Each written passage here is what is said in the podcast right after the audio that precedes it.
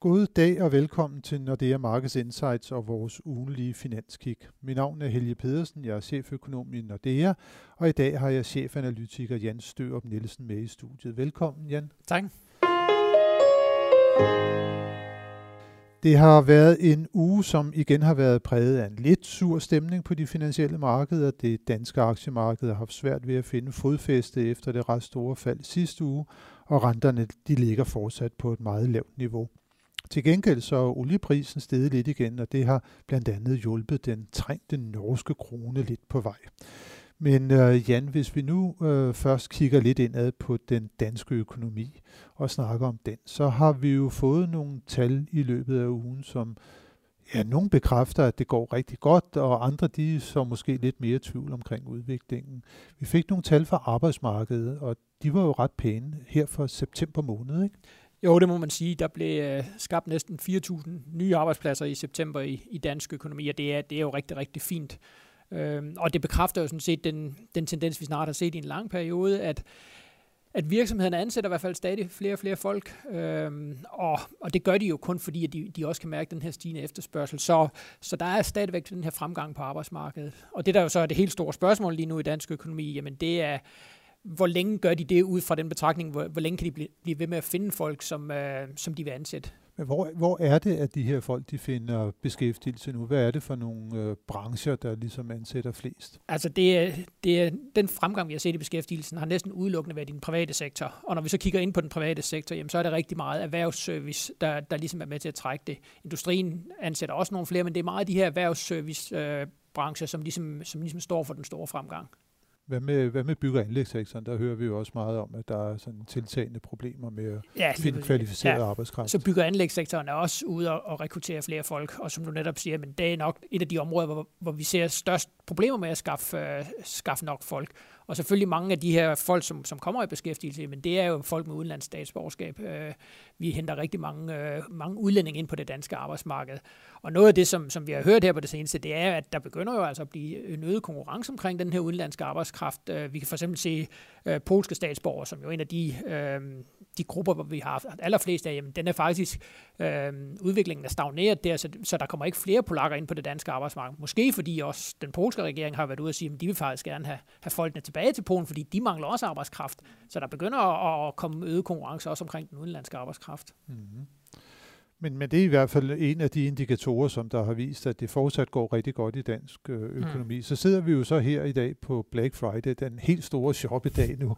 Og øh, der har vi altså også i dag fået nogle tal, der viser, at øh, detailhandlen i hvert fald i sidste måned, at der gik den stort set lige i hullet igen. Hvad mm. søren er det, der sker? Jeg synes, det der detailsalg herhjemme, det har så svært ved at komme op i tempo. Ja, og man, altså, man kan jo selvfølgelig lave den positive udlægning og sige, at det er fordi, man, man har ligesom sparet op til at kunne, kunne bruge alle pengene her Black Friday, men, men det er jo nok ikke det, der er hele sandheden. Og det er jo helt rigtigt, som du siger, vi har, vi har haft store problemer med at, at ligesom få detailsalget i gang i Danmark, og det er slet ikke vokset så kraftigt, som, som det gjorde under den tidligere højkonjunktur.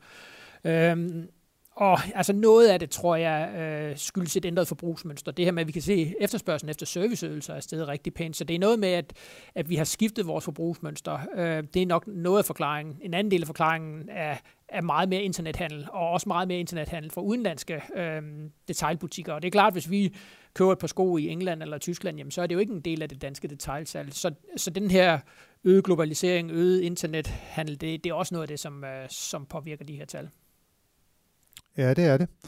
Og øh, hvis vi er, vi sådan ligesom skal, skal summe det hele op, øh, hvordan det går i dansk økonomi, så plejer vi jo normalt at kigge på det her overordnede tal, bruttonationalproduktet, og det bliver jo lidt spændende at se, for der kommer i næste uge, der får vi de første sådan rigtige tal for tredje kvartal. Men i sidste uge, der fik vi denne her nye flash-indikator for, fra, Dan, fra Danmarks Statistik, og den viste jo faktisk, at det var, at der var tilbagegang i Danmark i tredje kvartal.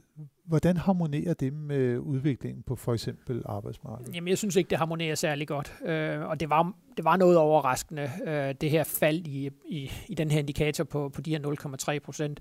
Øh, man kan sige, at vi, i de foregående seks kvartaler havde vi haft rigtig, rigtig flot vækst, og så får vi lige pludselig det her fald. Og jeg må indrømme, jeg er ikke jeg tror ikke, vi skal lægge alt for meget i den her indikator. Der er, for det første er der meget stor usikkerhed forbundet med den her indikator. Når Danmarks Statistik prøver at, at lave de her beregninger, så har de ikke de har ikke alle data til rådighed, og så, så et eller andet sted er der, er der rigtig meget gætværk i, i, når man konstruerer den her indikator.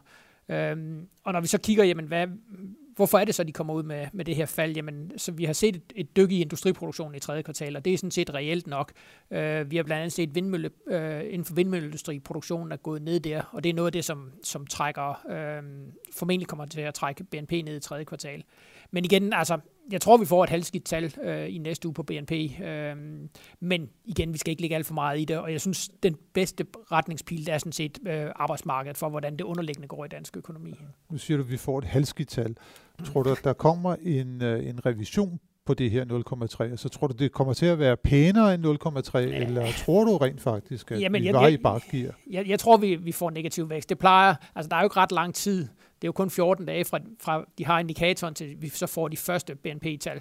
Øh, og og indikatoren har sådan de sidste par gange faktisk været meget gode til at ramme i hvert fald de første BNP-tal.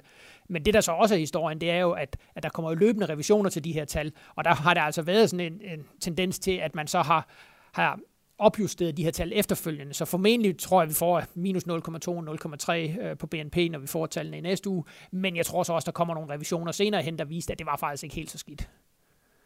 Så vi får altså et tal, der kommer til at bekræfte, at det ikke går særlig godt, og det tal det bliver så afkræftet på et senere tidspunkt. Ja. For det er blandt andet det, som arbejdsmarkedet siger. Ja. Det skal blive uh, rigtig, rigtig spændende at følge med i, hvordan at, at det rent faktisk uh, går på de her de overordnede tal for, for dansk økonomi. Men i næste uge, uh, der kommer der også uh, nogle internationale tal, som skal være rigtig, rigtig spændende at, at, at se, hvordan de kommer ud. Vi får jo blandt andet nogle inflationstal, og vi får også arbejdsløshedstal for euroområdet, og vi har jo fået sådan lidt løbende indikatorer her på det seneste, der viser, at det går, der går godt. Øh, PMI-tallene for, for euroområdet var, var rigtig stærke dag har vi fået en, en IFO-indikator fra Tyskland, der viser, at det går super godt i, i Tyskland. Men det har været sådan lidt svært at få inflationen op. Øh, hvad, skal vi, hvad skal vi vente os på, på den? Jamen, jeg tror, vi vil komme til at se, at inflationen kommer til at stige en lille smule, øh, både i, i euroområdet og for den sags skyld også i USA, når vi får, vi får de her nye tal.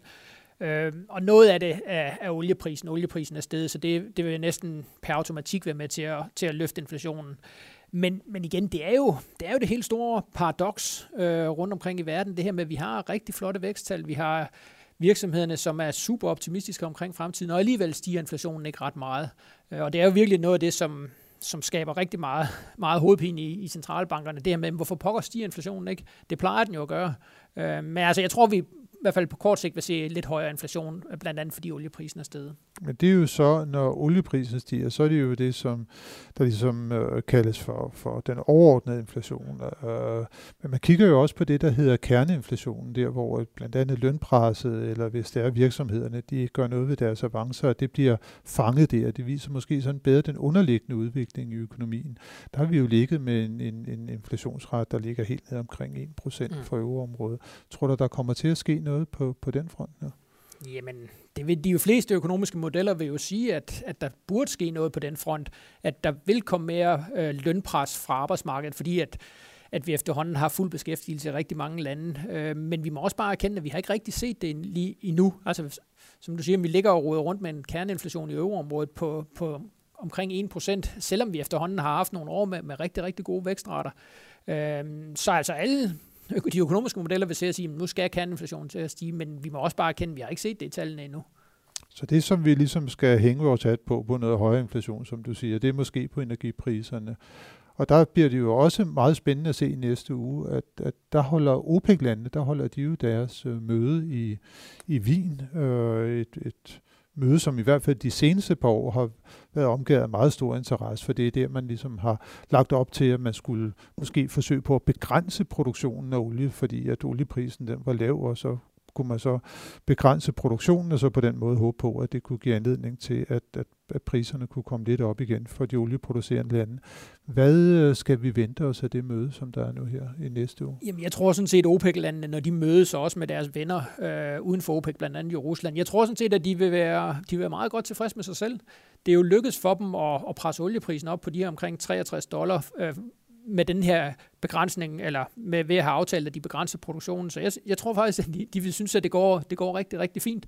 Øh, og jeg tror faktisk også, at, at når de mødes her, jamen, så, vil de, så vil de ligesom sige, at det her med at begrænse produktionen, det er vejen frem. Øh, og så kunne man forestille sig, at de vil, de vil forlænge den her aftale yderligere, øh, måske helt frem til, til udgangen af 2018. Simpelthen fordi det virker, og de ligesom har fået presset olieprisen derop, fordi jo, hvor de jo et eller andet sted gerne vil have den. Kan, kan komme yderligere op? Jo, det kan den selvfølgelig godt kort vej, og man kan sige, det der måske for alvor kunne, kunne presse den højere, det var, hvis der nogle af de her ulmende konflikter, der ligger i Mellemøsten, hvis de sådan for alvor eskalerer, Saudi-Arabien, Iran, er jo virkelig hård retorik for tiden, så det er jo selvfølgelig noget af det, som på kort sigt kunne presse den op. Men omvendt må vi også sige, at de amerikanske skifergasproducenter, det er jo ligesom der, hvor det, det nye i det her, i det her marked, og, og de bliver altså stadig mere effektive, så vi tror ikke på, på lidt længere sigt, tror vi altså ikke, at de vil være i stand til sådan for alvor presse prisen højere, simpelthen fordi i det øjeblik prisen stiger, jamen, så vil det være endnu mere attraktivt øh, at producere skifergasolie i USA, og så vil man øge udbuddet, og den vej rundt presse prisen ned igen. Så vi skal ikke vente os sådan, at det er det rigtige inflationære pres, der kommer fra, fra energiprissiden, med mindre at der sker nogle større andre begivenheder, for eksempel i Mellemøsten eller i nogle af de andre store produktionslande? Nej, det tror jeg ikke. Og igen, altså på lidt længere sigt, det der skal presse inflationen op, det skal komme fra arbejdsmarkedet. Øh, det er der, hvor vi ligesom kan få den her underliggende stigning i gennemkærende og så ligesom spreder sig til hele økonomien. Det øh, bliver spændende at se, Jan, og så bliver det jo også spændende at se, om det er, at det kommer til at give nogen effekt øh, over på de finansielle markeder, altså inflationstallene, om de på nogen som helst måde kan overraske, eller om der kommer en eller anden melding nede fra, fra Wien, fra OPEC-mødet, der kan være med til at påvirke udviklingen på markederne. Det bliver vi meget klogere på i næste uge. Tak for nu, øh, Jan, og tak til alle jer, som har lyttet med. Det håber vi også, at I vil gøre i næste uge, hvor vi er tilbage med friske analyser og vurderinger af de finansielle markeder. thank you